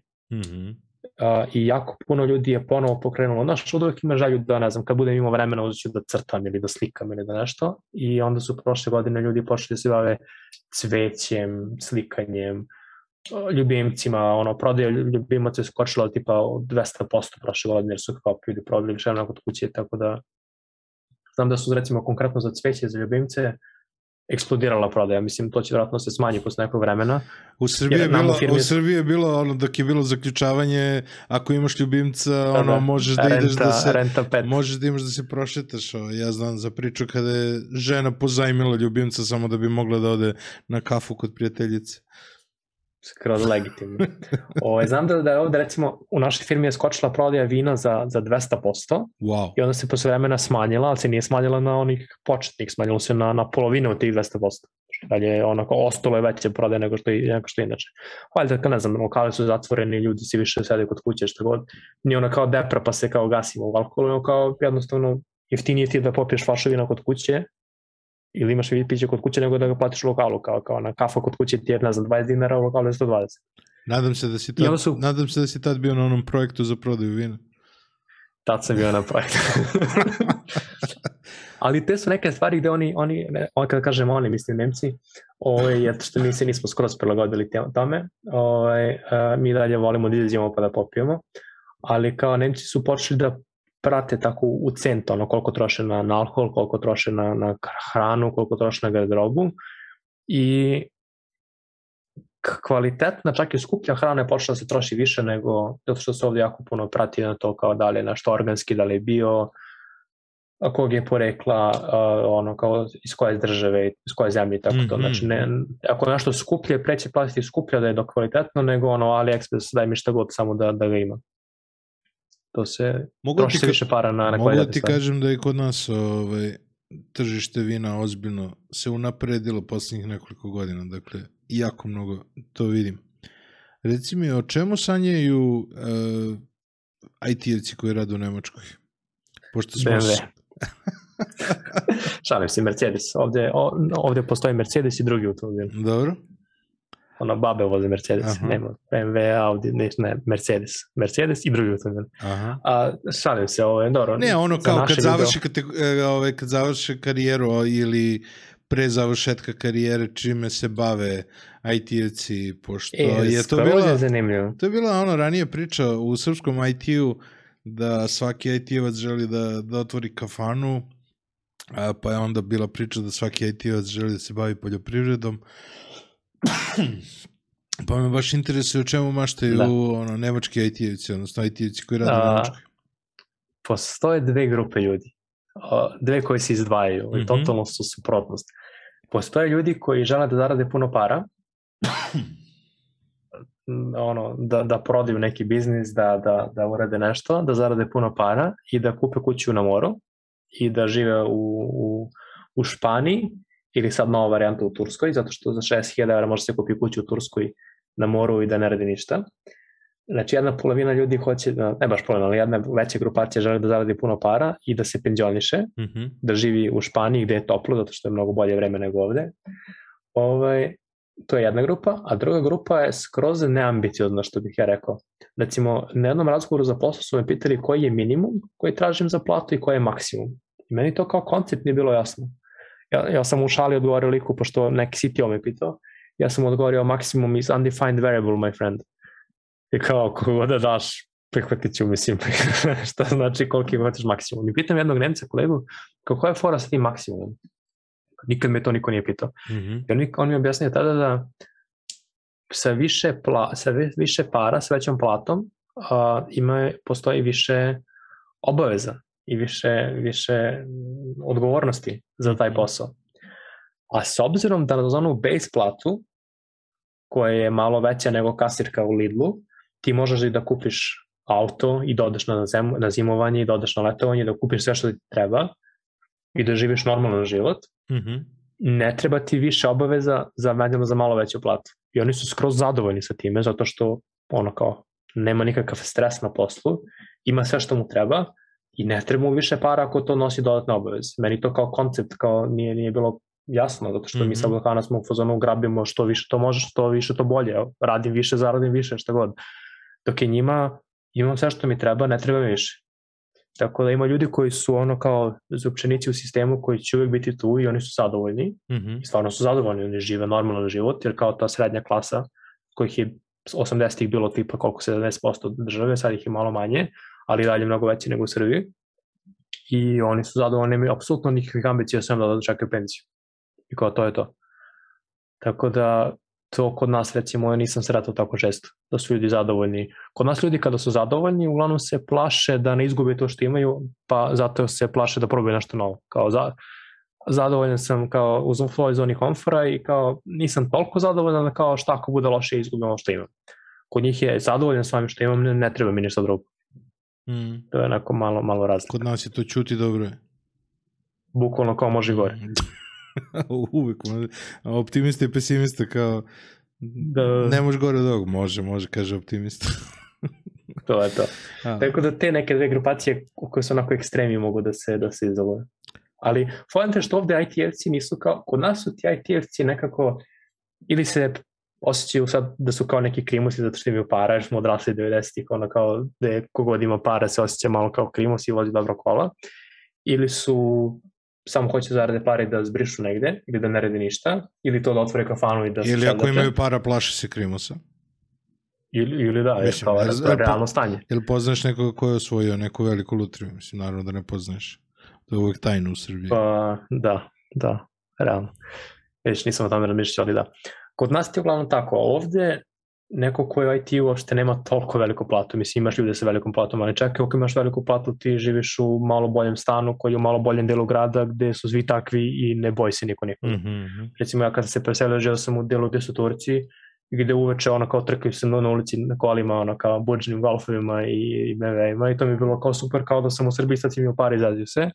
Međutim, kako se menjao firme, tako sam se malo iselio u drugi deo grada. Sad kad idem se zgrade, svi voze po ono Porsche, BMW, Audi, znaš kao ono, ili se voze peša, ili idu pešaka ili bajsima, apsolutno nemaš osjećaj da tu nešto štrčeš i ti bilo šta, uopšte nisam u nekom buržovskom kraju. Mhm. Jednostavno, okruženje je tako da uopšte ne razmišljaš o tome. Ali Ako to je ćeš interesantno odeš da, na, na, na interesantno jezero. mi je da stranci koji dođu u Beograd stalno pričaju o bezbednosti koju osjećaju na ulicama. Jer Da, ono, Beograd je dosta bezbedan grad u principu. Beograd je izuzetno bezbedan grad kada si ono običan pešak na ulici, ali ja ne smatram da je Srbija bezbedna ako imaš para. A na zapadu ako imaš para ti si bezbedan jer živiš u kraju, a postoje krajevi gde jednostavno niko nije bezbedan. Tako da taj, Da, taj, da, taj ali gledanje s drugim nekim očima. Da, da, jako čudno. Jako, jako čudna stvar. A šta ćeš da radiš kad napraviš pare i kad popiješ tih 10.000 piva? Originalna ideja je bila da budem u Nemačkoj par meseci ili par godina maksimum i da onda smislim šta ću dalje, da li nazad ili, da, ili dalje. Posle nekog vremena sam skontao kako nazad nema, znači ili ostajem ovde ili idem dalje negde, da probamo neka druga pića, negde zapadnije, preko veće bare, ko zna. Za sad mi ideja da ostanem ovde, zadovoljan sam. Uh, posle 10.000 piva možda krene da pravim svoje pivo, to je popularno. Uh, možda, ne znam, ideja mi je svakako, ja, ja volim da programiram, to mi nije posao, to mi je baš ono zadovoljstvo, tako da nikad neću prestati da se bavim time, čak i ako promenim industriju, kao što se bavio fotografijom da se prestao, tako da uvijek ću se makar iz hobija baviti, baviti kodiranjem, ali nemam neku ideju šta posle, kao pa je prvo da stignemo do posle pa ćemo posle ovako. A, nisi razmišljao o nekoj Škotskoj tim i probanju nečeg, sle, nečeg drugog u Škotskoj? Verovatno, vidjet ćemo. To mi je zapravo zanimljivo zato što mi kao, ja sam iz Kruševca i onda smo pili vinja kao klinci, ono kao. I onda sam posle prešao na piva a, i nikad nisam pio vinjak 5, to nam je bilo skupo, kao naš imaš vinjak koji kupiš ono, u, na kiosku i piješ ili unuče ili kao veliko koji skupimo. I pre par godina sam prvi put zapravo probao vinjak 5 i bio sam u zonu, jo, te ovo je dobro piće, znaš, kao kvalitetno piće, lepo ukus ima, nije ono kao vinjak da se, da se napiješ, nego kao, kao ti dođe gosti možda da služiš. I onda sam zapravo tek počeo da pijem da pijem, da, da probam malo više viskija i tako tih ono, konjaka i žestokih mm Mhm. -hmm. pića i mogu ti reći da sad onako lagano smanjujem količinu piva koje pijem i zbog ono kao kilaže i svega, ali da više onako uživam u tim kraćim pićima. Ovaj, tako da sad sam na, trenutno na istraživanju svoje sledeće zanimacije u kao Dobro. Irish, Scottish i Dobro, ostale. pričali smo o nezdravim delovima života, a sad uh, imam utisak da nekako uh, zapad malo pre si pominjao delimično hranu, ali vidim da Zapad ima izuzetno taj, tu tendenciju okretanja ka zdravom životu.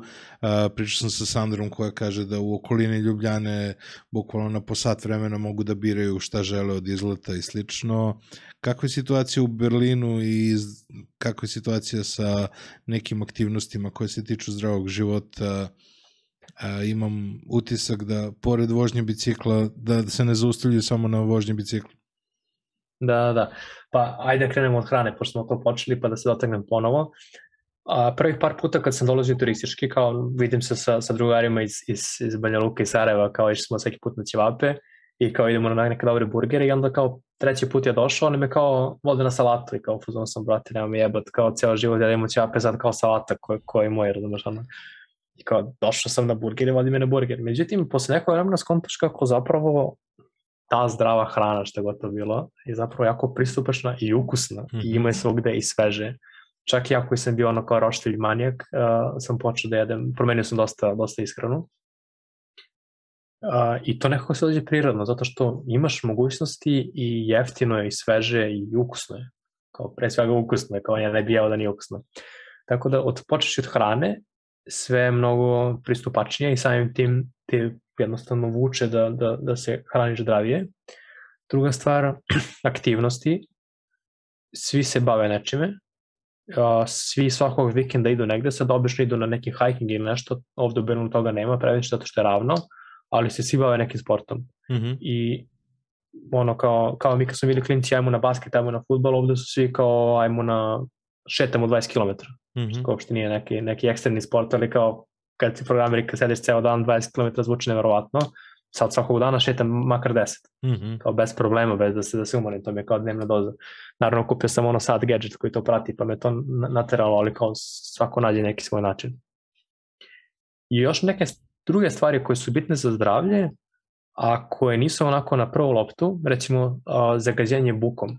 To je nešto što nikad u životu nisam razmišljao. I onda ovde je tako mirno, kao ulice su nekako izolovane, nisu na glavnim putevima, ograničenje brzine su 30 km na sat preko dana, ima jako puno drveća i ti kao oteš prozor ne čuješ buku automobila, mm -hmm. iako sam relativno u centru. I onda dođem za BG i poludim, posle dva dana sam nevozan, zato što svako svira, svako trubi, svako ono haos i opšti.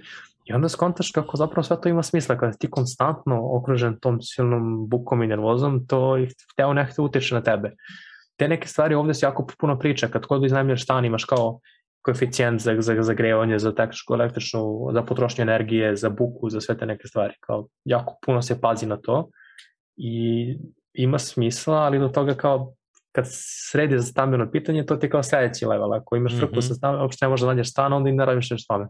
Nekako su problemi nekako shiftovani, ljudi razmišljaju o tome kao koliki, koliko, koliko, koliki ono, smeće prave kad, kad jedu koliko je buka u stanu, nije više kao gde ćemo da živimo i kako ćemo auto da vozimo, nego koja je efikasnost guma koju kupujemo, koja je efikasnost frižidera, koja je, ono koliko nas ima na nalepnicama ABC, koju nikad niko ne gleda, samo znaš da postoji.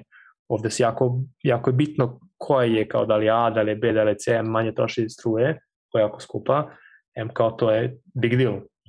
Kao kod, ne znam, telefona koliko megapiksela ima kamera, tako kad kupeš frižider gledaš koliko, koliko šteti okruženju, koliko ne. Tako da su mnogo ljudi mnogo više okrenuti kao društvo tome i onda ako nešto nije dobro po okruženju, to si ne, ne postoji potražnja, a samim tim je i ponuda slabija i nekako skoro drugačije ljudi gledaju na to. Da, pa ja sam imao ovde komšiju jednog koji je ta, po toj logici, on je sve živo mu je računica ovaj, i fenomenalan je direktor je jedne velike ove korporacije i ovaj i onda je on sve kupovao te naj, najbolje energetski efikasne ovaj proizvode prilikom prilikom pra, ovaj, opremanja stana ja sam kupovao one koje imaju najbolje performanse, znaš. Nisam uopšte gledao, gledao po tome. I on kaže daj račun. I ja uzmem i donesem mu račun za struju. I on pogledaj, vidi, tvoj račun je 2000 dinara veći od mog. Mislim, Pa da, a zamisli da je te račun puta 4, puta 5, tebi da. bi se, ako štediš 50 euro u kupovini frižidera, za, za godinu dana bi se to tri puta da, potrošilo. Da. Mm. o tome se uopšte ne razmišlja u Srbiji, svi računaju Ja to... kolika je nominalna Isto. cena prilikom Ali kupovine. tako nam je za sve. Tako nam je sve. Na primjer, svaka hrana, svaki proizvod ima ono kao koliko je kalorija, koliko ovo, koliko onog, koje niko nikad, nikad nije gledao. Ja nisam znao to da gledam pre par godina. Kao šta su proteini, šta su ugljen, nisam nikad to u škole nisam učio. Mm. I onda kao je naterao si zakonom proizvođača da to stave, a onda imaš ljude koji to ne koriste niti znaju to da čitaju. Kao tu je, ali niko to niko ne koristi. Nekako nam fali nam taj deo da se mi sami naučimo da to što već tu iskoristimo na, na bolji način. Da, Da, zvuči ja sam, kao ono kao otišao preko pa sad kao svali pamet, ali kao to sam naučio još u Srbiji i čudi me da to nismo učili u školi, kao to stvar, te stvari treba da se uči u školi. da, ja sam to naučio 2010. kad sam krenuo da čitam ovaj, da. specifikacije. Beljuca.com da, ono, viršla, viršla sa 10% proteina, viršla sa 20% proteina i viršla sa 20% proteina mesa. Kao, koliko su ti tri Da, da, različite, da, da. tri različite stvari Različite i one, stvari, da. one koje su precizirane to je austrijska licenca. Znaš, kao, i da bi zadržali licencu moraju da, da piče po tome, znaš. Da, Tako da, da- sve ima svoje. Reci mi, svoje, ali- ovaj, uh, koje su najčešće destinacije sem Turske i Španije odatle za ljude? A, a, a, o- ovde ljudi, prva stvar, nema, ne postoje koncept letovanja i zimovanja, Mhm. zato što nemaju more, mislim to mora koji imaju upotrebljivo, tako da nema ono kao sad je leto moramo na more i kao sad je zima idemo na skijenje. Uh, kao zimski odmor, letnji odmor. A zar nemaju ferije, ono kao, znam da, da naši i Turci koji žive tamo, ono, obično imaju, ono, zašto, Ima, onda, ali zašto su onda naši autoputevi zauzeti leti? Zato što su zauzeti od Turaka i od naših. Pa to, ali ljudi u, u Evropi nemaju taj koncept, mislim generalno nemaju taj koncept, zato što ti gde god da hoćeš da odeš na more, moraš da sedneš na avion i da letiš, a da letiš 3 sata ili 4 ili 5 je sve jedno i ci po cijeni i po svemu, tako da ako plaćaš 500 evra za letovanje, da li ideš u Tursku ili na Kanare ili tamo ili, ili, ili Afriku, sve jedno ti je. I u svakom trenutku godine imaš negde gde je leto, mhm. i negde gde je sezona i za skijenje i za, i za, za kupanje. Tako da nemaju koncept letovanja. Njemu kad se ide na more, sedne u, u avion i ode na more. Kad mu se Mhm. skija, sedne na avion. Nije baš kao u Americi da možeš baš u svakom trenutku godine, ali kao makar šest meseci ili osam meseci godišnje, ako ne i više, imaš mogućnosti za jedno i za drugo. Da, da, I onda da. kad god imaš, kad god je gužva na poslu ili nešto, ti izabereš i odeš. Plus što puno ljudi ide tako vikend ture ili produženi vikend, zato što su aviokarte jako jeftine i ti za, za 35 evra odeš u Španiju i vratiš se ono produženi vikend. To su karte, ono, letovi baš takve da posle posla odeš i nadalje uveče se vratiš i ne, ne gubiš uopšte ništa specijalno. Tako da, samim tim, pošto nemaju kao leto i zimu, to je letovanje i zimovanje, a, mnogo više se putuje da se obilaze druge, drugi gradovi, ono kao city turizam, a ne kao seaside. Mhm. Mi, ja kad god gledam, prvo gledam gde može se ode na more ili gde može se ode na snowboarding, ali ljudi gledaju obilaze kulturološke lokacije, ono kao gde ima muzeja, gde ima, kao Srbija je redko ko ode da vidi muzeje, neko odeš pa usput vratiš, kao gledaš da, da možeš na more da iskoristiš. Ovde se gleda kao gde možeš da odeš i da vidiš neke atrakcije, ono kao da li su to muzeji ili dvo, zamkovi ili neki sport ili nešto, ljudi putuju uglavnom zbog toga. Ali opet, zato što inače se puno putuje, pa onda kao putuješ i zbog toga. Mhm. Ako imaš jedno putovanje godišnje, naravno da će odeš na, da odeš na odmor. Ako možeš da odeš svakog drugog vikenda, ići ćeš na sve moguće. Tako da su uglavnom gradske destinacije, uglavnom se putuje po drugim gradovima, Ja, I to, to se u marketinškim ono kao ponudama jako vidi. Recimo, ne znam, Talin je skoro imao reklamu kao užasno kreativnu, opet koja to blog bi bilo nego za ovde, gde kao ljudi nisu putovali tamo, oni su napravili kao malo sex sell varijantu prodaje i odjednom su ljudi počeli putovati tamo, kao, e, kao tamo nismo išli, kao kad, sediš u Beogradu i kao hm, nismo jeli kinesku hranu odavno, kao nismo išli u Talin, ajmo tamo. Kao, Mhm. košta ga 30 evra da ode i da vidi. Kao 2-3 miliona ljudi, neka svaki, ne znam, ono, 10.000 ti ode da vidi, ja ću istražiti. Kapiram. Da Šta ti nedostaje Srbije u Berlinu? Koliko si često ovde uopšte? Mm, U startu sam dolazio češće, Mhm. bio sam tipa na svaka dva meseca po makar vikend. Zato sad, što sad je frka zbog korone i zbog svega. Sad je malo frka zbog korone, a iskreno provao sam šest meseci prošle godine, Mhm. jer kao radio sam od kuće, nisu rekli od čije kuće, malo sam bio u sivoj zoni, VPN radi i to. Ove, I onda sam potrošio dane, pošto kao godišnje smiješ da budeš šest meseci van svog mesta boravišta, tako da sam ispucao dosta dana. Tako sad čuvam za, za sezonu slave i toga. Ove, ali najviše mi nedostaje hrana. Imaju ovde naše hrane, ali ono kao ćevapi koji su ovde dobri, u Srbiji ne bi ušao ponovo u taj lokal. Imaju ono koji su dobri, ali kao ne jedeš svaki dan, to nije baš ni da ti se jede svako dana masno i nezdravo, osim kad ponekad kad baš želiš da odeš. Ali generalno mi najviše nedostaje hrana A, ljudi mi ne nedostaju toliko zato što imam jako puno društva ovde koje se preselilo i druga stvar, jako puno društva mi dolazi u goste. Mm -hmm. Ono kao 30 evra mogu da dođu, bolje dođu oni ovde nego ja dole. Mm -hmm. Tako da stalno imam neke goste i, i jako puno ljudi se preselilo ovde. Mislim da mi se u proseku na svakak 2-3 meseca preseliš po jedan neki, neki drugar. Mm -hmm. Što iz Srbije, što sa Balkana generalno. Tako da to malo, malo onako poražavajuće, a s druge strane ono, super za nas, eto, koji nismo, nismo sami, kao pravimo community ovde. Loše je zato što ljudi idu u Srbiju i ne vraćaju se. A, ne znam koja bi strategija bila da se ljudi vrate, ali kao za sada ljudi odlaze uglavnom. Dobro, ali imamo neke primere, imamo neke primere, ovaj, do duše ranije, od pre 10 godina, kada su se ljudi vratili, čak i čuveni primer koji se uvek koristi za Srbiju, to je Nordeus, gde su se ljudi vratili iz inostranstva, radili u inostranstvu ozbiljno, skupili neki novac, vratili se i napravili vrhunsku kompaniju da. i u Srbiji. Znači, i danas zbog njih određeni ljudi iz celog sveta dolaze da rade sa njima. Tako da, da. Ka, pa to su neki su primjeri... takve opcije i dalje moguće? Pa ljudi, kreći, evo, pomenuo si Nordeus, uh, stranci dolaze u Srbiju da rade za Nordeus zato što im je Srbija jeftina i ona kao dobra je kopa, dobar je, život je generalno u Srbiji jako dobar.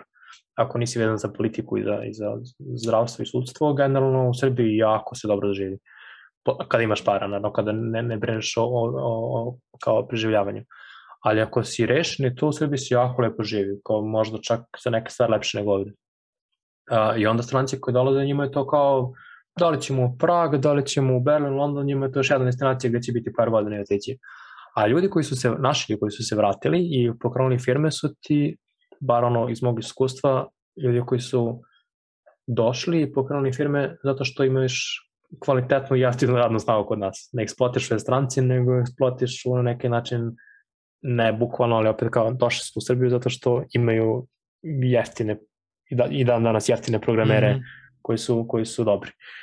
Tako da, čak sam načuo, nešto nisam siguran, čuo sam da, da postoje neke varijante za ljude kao povlastica za povratak naših ljudi, uh, da je skoro nešto pokrenuto ili treba da se pokrene, kao ko je živo makar dve godine preko, ima varijantu da se vrati za Srbiju sa nekim smanjenim porazom ili tako nešto, ali mora da ostane makar dve godine. Tako da to vidim recimo kao, kao me, ko, je, ko je otišao zbog para, mm -hmm. vidim kao, kao super ono, povlasticu za povratak jer ako otišao zbog para, a para ima u Srbiji sad kao tim svojim radom, može da živi super u Srbiji, ne vidim razloga zašto se ne bi vratio. E, ja sam konkretno otišao da bi, ne zbog para, nego da bi malo proširio svoje iskustvo i da upoznam drugu kulturu i tako to, tako da meni to nije bilo primarno, ali nije, ne vidim da kao ljudi odlazi da se nikad ne bi vratili, kao vratili bi se samo, mora nešto da ih, da ih zove nazad. Mm -hmm a da nije samo nostalgija. Da. Uh, ne znam da li ti znaš neke ljude koji su se otišli pa se vratili, kao ja znam jako malo ljudi. Pa, znam nekoliko primjera, ovaj, znam nekoliko primjera, ali uglavnom do, donesu neki posao sa sobom ili da. ovaj, i sad za vreme, za vreme COVID-a znam da svi koji su dobili opciju sa remotom, svi su se vratili u Srbiju i radili da. iz iz Srbije ja za svoje matične kompanije, tako da... Da, ovaj, ja znam ljude koji su se vratili, baš da su se vratili, tipa, mm -hmm. ne znam, ono, Kanada, Novi Zeland, Australija, tako nešto, ali kao po Evropi gde možeš da se vratiš da odeš bilo kada, baš ne znam previše ljudi koji su se vratili. Mm -hmm. Da su bili, ne znam, nezadovoljni pa se vratili. Da, ima, ima i opcija gde otvore, ono, da otvore firmu na relaciji inostranstvo Srbija, gde je u Srbiji deo firme, gde je u inostranstvu deo firme i onda ovaj, tako rade. Uh, ali meni je primarno tu važno to što recimo sa, sa Džamićem kad sam pričao on je rekao da jako mnogo našeg intelektualnog potencijala se nalazi u inostranstvu, a da se jako malo koristi. Koliko si Da, nekih to je. sjajnih ljudi upoznao sa naših prostora tamo, a da nisi znao uopšte za njih pre nego što si krenuo odavde? Pa dosta mogu ti reći. Znači, više od polovine ljudi koji sam upoznao naših ovde, nisam znao da od Daj mi neke primere, neki, neki likovi koji, koji rade neke sjajne stvari ili... Pa sad ne znam po imence, ali znam da jako puno ljudi koji su osnovali firme ovde, Mhm. startupove, koji ono rade i funkcionišu super, zapošljavaju ili ljude ovde ili remote ljude iz Srbije, sa koje nikad nisam čuo pre nego što sam došao ovde i sad ih ono kao ne pamtim toliko po imence, ali kao znam njihove kompanije i tako to. Mhm. I ima dosta takvih primjera. Čak i ja imam ono kao ideju da, da pokrenem ovde nešto i da Mhm. zapošljam što više svojih nekih drugara od ozdo koji neće da se sele super ime dole, a kao ja njima nabacim posao, radili smo već zajedno, ono kao znamo kada funkcionišemo zajedno i kao da to nastavimo u nekom tom hibridnom rešenju, pola tamo, pola ovde. Mhm. Što mislim da je dobro, zato što kao dole se zaradi više para nego što bi inače imali, znaš ljude, po, pomogu si ljudima iz svog okruženja, ono kao win-win je generalno. Mhm. To je neki krajnji cilj. Da. Osim, naravno, da se obogatimo i kupimo kuću u Španiji. Ili Turskoj. I Mercedes. I Mercedes. I Mercedes, a? Da. Beli. Mora bude beli. A labudovi ispred, A čuo sam da labudovi tako. ispred kuće i lavovi. To to laovi na kapiju. Ja sam, ja sam išao u fazonu kao kentaure da stavimo. Labudo, labudovi su nekako više isforani, ali Pa se. kentaure niko nije stavio. Pa se, a? Da, imam ja psa ono koji liči na, na lava, pa ću njega da napravim kao dva blua. Aha, aha. Ok, pričali smo negde o tvojim počecima, ali reci mi sada kada bi neko, uh, ka, sada kada neko kreće, jako mnogo ljudi se danas, ne mogu da kažem okreće, nego mladi danas ulaze u svet developmenta i svega toga nekako u naše vreme sve bilo dostupno i nije se toliko brzo živelo, imalo, bilo je vremena za sve. Šta bi danas preporučio? Koje su neke tehnologije koje su na vidiku, koje su neke stvari koje, odakle bi ljudi trebali, trebalo početi, šta bi negde savjetovao ljudima koji danas ulaze u biznis? Šta je ono nešto što ti veruješ da bi, da bi voleo da, da, da znaš da te neko savjetovao da, si ti, da si ti neko ko sada ulazi u posao? Pa nekad je bilo sve dosta jednostavnije. Bilo je dosta jednostavnije i manje, manje izbora je bilo i manje mogućnosti. Što je bilo i dobro i loše. Dobro kao ne možeš napraviš veliku grašku, uhvatiš se za neku tehnologiju i teraš i skupljaš iskustvo i to je to. Problem je ako se previše zadržiš u nekoj tehnologiji koja više nije toliko aktualna, mislim, postoje stvari koje će uvek biti aktualne, ne znam, C, C++ će se uvek tražiti, nikad neće biti na vrhuncu, ali će uvek biti posla za to. Ali uvek ima nekih stvari koje se mnogo, mnogo lakše mogu naučiti, a mnogo je više para, makar trenutno. Evo recimo u IT-u se to može mnogo vidi na ne- nekom front-endu, na primjer, ono, svakih šest meseci po neki novi framework se pojavi koji je tad aktualan i posle dve godine niko, niko ne, ne radi više s njim. Ne znam, Ja sam Mhm. radio Angular, sad niko ne pominje Angular više. Ono, morao sam da krenem da učim Vue pod stare dane zato što kao to se traži. Tako da, a, dok sam ja predavao recimo na, na web developmentu, tad su klinci učili HTML, CSS, JavaScript i to je bilo dovoljno da mogu da krene da, da Franciju. Kao naučiš malo PHP-a i ti malo WordPressa i ti već imaš neke dezge kao Mhm. dovoljno za da platiš faks pored toga. A, I to je bilo za mene jako nepojmivo, zašto ja moram da učim 5-6 godina ono kodiranje da bi uopšte mogu da krenem da radim nešto primenjivo. A oni kao posle par meseci već krenu da, da freelanciju. I to ako se pametno odigra može jako, da se, jako puno se skrati taj proces Mhm. i te stvari se menjaju svakih par godina. Znači svakih par godina su neke druge stvari koje su kao kraćim putem do cilja. A trenutno se najviše traže frontend i mnogo se više plaća nego backend zato što je ono, potražnja velika i samim tim su i, i plate bolje. Za par godina će se to promeniti verovatno kao što se pre par godina ono tražio ne znam Node.js i tako nešto. E, tako da ono što savjetujem svojim drugarima i svima koji žele da se, da se upuste u te vode je da vidite otprilike šta vam ide, jer ne možeš da radiš nešto što ti baš ne interesuje, nađeš nešto što, što ti je srodno, otvoriš 20 oglasa iz toga i onda vidiš šta tražiš. Recimo ako je frontend, najčešće traže, ne znam, Vue, Node.js, uh, negdje dalje Angular i tako neke stvari. Mhm. I onda kao naučiš, uzmeš 3-4 kursa online, nisu skupi kursevi, pređeš to, uradiš dva neka svoja projekta i prijaviš se kao junior. To je ono sigurnica za keca. Znači, ljudi znaju da zapošljaju nekog bez iskustva, ne, ne traže ti 20 godina radnog iskustva ako te primiju kao juniora, mm -hmm. primaju te sa idejom da te zadržu u firmi narednih 10 godina, ne kao u Srbiji, tu si dve godine i kao pali dalje, niko ne, niko ne ložu u tebe. Ovde su uglavnom kao ako se menjaš firma na dve godine, ima neki problem, kao zašto si otišao iz firme posle dve godine. Zato što i firma je otvorena na, na izgradnji tog nekog čoveka, a i čovek je zadovoljan zato što ima mogućnost da uči tokom rada firmi, mm -hmm. kao radiš, izrabljuješ mene, kao imam i vremena gde mogu da učim ili makar postoje budžeti od minimum 500 do 1000 evra godišnje za knjige, za kurseve, za sve neke druge stvari. Kod nas recimo firmi postoji pored tih kurseva i svega toga 1000 evra za, za učenje bilo čega nevezanog za posao. Hoćeš da učiš jezik, hoćeš da učiš skijenje, što god, kao imaš mm -hmm. budžet za to i onda kad si ti tako zadovoljan ne želiš da menjaš firmu. Konkretno recimo za, za frontend, sad se traže tako te neke tehnologije koje su u hajpu i čak i bez nekog velikog radnog iskustva se, se nalaze, da, da, jako lako se nalaze poslovi. Za ljude koji već znaju, koji već rade bilo šta, freelancovali su bilo kakvo radno iskustvo imaju, oni će još lakše mo moći to da nauče, znači uzmite dva, tri kursa, neka skinite bilo čega od tih stvari koje se traže, tipa Vue ili Node, i recite imam 5 godina radnog iskustva, od toga 6 meseci ili 3 meseca rada sa Vueom, hoće da učim, to me interesuje i tere dalje. A, kod backenda je to malo stabilnije, manje ima tih tehnologija, tako da bilo šta da se radi PHP, ono, pročitaš knjigu od jednog frameworka ili prođeš kurs i ako si doradio bilo šta, bit će ti jasno. Kod stvari koje nisu striktno programiranje, dosta e, se traži project management. To me interesuje, zato što... Dosta se traži project management. Da. Naprimjer, dobra stvar sa, sa Scrumom ili, ili Agile I to je što se koristi ista terminologija. Znači, mi sve stvari koje smo radili u Srbiji u pet firmi, identična terminologija je u Berlinu. Ono kao proces, transfer, proces učenja novih stvari ti je nula, malte ne. Puno ljudi koji su radili neke druge stvari u životu su se prebacili na product, project management i, i ja imam jako dobre plate sa ono, posle šest meseci radnog iskustva. Tako da to je ono kao easy in. Mm -hmm. Nikad neće biti na nivou kao development, ali razlika je jako mala i ljudi su jako zadovoljni.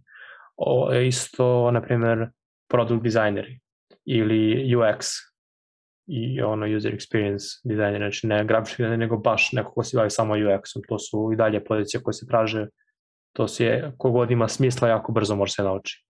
Znači, kogod je radio bilo kakav grafički dizajn ili dizajn interijera ili čega god, može da uđe u to jako brzo i samim time već u IT-u, iako ne, ne mora da programira niti da bilo bilo kakav kod kuca. To je mene u stvari interesovalo. Koliko su velike firme? Zato što sam ja uvek govorio da firma od troje, četvoro ljudi je gotovo uvek 4-5 dizajnera, 4-5 programera i jedan dizajner, a ovaj, čim firma skalira na 20 ljudi, tu je i nekoliko projekt menadžera, nekih office menadžera, čistačica na kraju dana. O, da. Ovaj, koliko su u stvari velike firme i koliko je taj neki posao postoji u IT-u koji nije direktno programiranje, koji je ovaj, da. koja je količina tih pa, ljudi? Recimo da je bar četvrtina ljudi, minimum četvrtina ljudi u IT-u koji nije striktno IT. Mm -hmm. Mi smo u jednom trenutku na, na desetoro ljudi u timu imali četvoro ili petoro čak koji nisu, nisu programeri. Mm -hmm. Jer ima tu posla za ljude koji nisu, koji nisu developeri. Uh, to je samo baš u development timu, u drugim nekim timovima možda čak i još i više. Uh, opet firmice koje su 20 ljudi su manji startupovi, najčešće ide od 20 do, do 100, to je najveći broj firmi je tu negde, tu već ima, svaki tim ima makar po jednog dizajnera ili minimum postoje 3-4 dizajnera za, za cijelu firmu. Mm -hmm. Što ono kao, posle nekog vremena ne možeš samo da odeš više programera, treba i ti i svi drugi ono kao treba ti i čistačica, treba ti neko ko samo organizuje papire i, ili šta god da treba, samo sastanke da organizuje. Tako da ima puno stvari koje nisu striktno vezano za, za kodiranje, niti bilo kakav... Marketing, bilo prodaja, to sigurno Marketing, ima. prodaja, da. da. Ima to, to na stvari koje su nekad bile, recimo, moj druga radi, ne znam kako se zove pozicija, nešto produkt, nešto, nešto, a, kao kad odeš u supermarket pa imaš kao kikiriki pored piva, Sad imaš isto stvar za Amazon. Kao da se da se prema Amazona, pa kao kako se relatuju proizvodi. Kao kako se biraju slike za proizvode. Kao mm -hmm. niti praviš slike, niti ono samo radiš istraživanje ili kao kampanje kako ćeš, gde šta da bude da ide. Ili u koje doba ili šta god.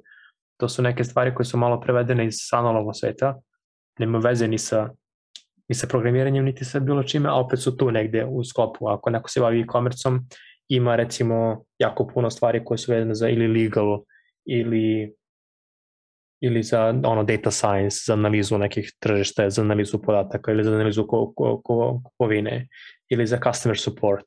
To su jako bitne stvari bez kojih ne može, a nema veze sa IT-em. Ono, customer support neko ko samo prima ordere, reklamacije, šta treba rešava neke krucijalne stvari bez kojih kompanija ne bi funkcionisala i možda se sruši ako nemaš takav support, a to su osobe koje nema veze sa IT-em.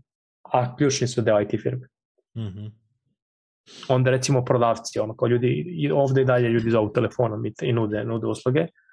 Prodavci telefonom, mailom, chat, sve te neke stvari. Svaka firma to ima. Nema veze sa IT-em. Bitno ti je, u krajnjem slučaju da znaš čime se proizvod bavi, da znaš kao mi prodajemo to i radi to i čime neko zainteresovan da ga proslediš nekog drugog. Ukolno nikakvo znanje. Šta misliš da od nekih tehnologija koje su sada ono, na, na početku otprilike će biti ozbiljni trendovi u budućnosti? Pa neki novi programski jezici, novi da kažem, ono kao ne toliko popularni do sada, na primjer Go ili ili, ili, ili a sad za frontend sve je bazirano na JavaScript, ali TrueScript i tako neke stvari koje nisu nikad bile toliko Čak neko, ne mislim toliko o webu, nego mislim o AI-u, da. o, o blockchainu, šta je tu nešto što je Blockchain je, je presao da bude više buzzwords. Da, to, to, to. blockchain je presao da bude buzzwords, ali uh, artificial intelligence, to je veštačka inteligencija, sve više hvata maha, zato što je već sazrla i počela se primenjuje u stvari koje nisu striktno IT. Mm -hmm. Znači, počelo se primenjuje na, na, na ono kao drugi, treći talas, drugi, treći krug proizvoda, što je super, i počeće da se primenjuje na sve više stvari. Zato što kao sazara je tehnologija, kad si bio na faksu, AI je bilo kao na nivou akademskog govora, ona kao najbolja stvar koja je mogla da bude igraš šah ili kao pričaš sa botom da, da li možda prepozna da je on čovek i priča samo engleski. Sad recimo naša firma pravi botove koji pričaju na bilo kom jeziku na svetu, uključujući srpski to je već primenjivo za, za ono, što god ti padne pamet. Tako napraviš hakaton i smisliš sklince koji će da, da iskoriste za nešto. Mislim da AI se sve više koristi za svaku neku sitnicu, ono kao fotkaš fotku i onda ti Google sam ono na, na pikselu sam ili fokusira facu ili sam sredi fotku što bi inače morao ručno da podešavaš ili ne znam, imaš novi Canon fotoaparat koji sam trekuje automobil koji se mrda, to kao sve veštačka inteligencija koja je buildovano nešto što nema veze sa veštačkom inteligencijom onako imat ćeš slušalice koje ti ne znam, to već sad postoji duše, ono kao, ako si u prevozu onda imaš obaveštenje da će kasniti voz, ti čuješ što te pusti, ali blokira druge ljude koji pričaju, mislim, mm -hmm. ono, ima primjenu na, na sve i svašta. AI definitivno raste u svakom smislu i bit će mnogo više posla oko managementa svega toga, governmenta, uh, ono, regulacija svega toga. Da, to su da. neke stvari koje će morati da se regulišu i to su stvari koje ne vede sa ATM, a bit će posla oko toga. Kao što za privacy, ono, kao svako ima a, makar ima konsultanta koji se bavi sa savjetovanjem za GDPR ili tako nešto, ne vede sa ATM, ono, GDPR je pravna stvar, tako će svako imati savjetnika ili nekog ko se bavi AI-a. To je već počelo da hvata maha. Dobro, hvala ti puno. Baš mi je bilo sjajno. Hvala tebi. A, kada dolaziš sledeći put za Srbiju? Eto, već za nedelju dana imam kratki izlet od ne, nekih nedelju dana, možda uspuno da se vidim. E, ekstra. Hvala ti puno i ovaj, javi se kad, kad dođeš. Hvala tebi. Ekskluzivno sada mogu da najavim uskoro početak mog, mog novog podcasta, tako da očekujem tu gostima e, u ekstra, Berlinu. Ekstra. To će biti zanimljivo, tamo da napravimo rekapitulaciju. Eto, prihvatam unapred.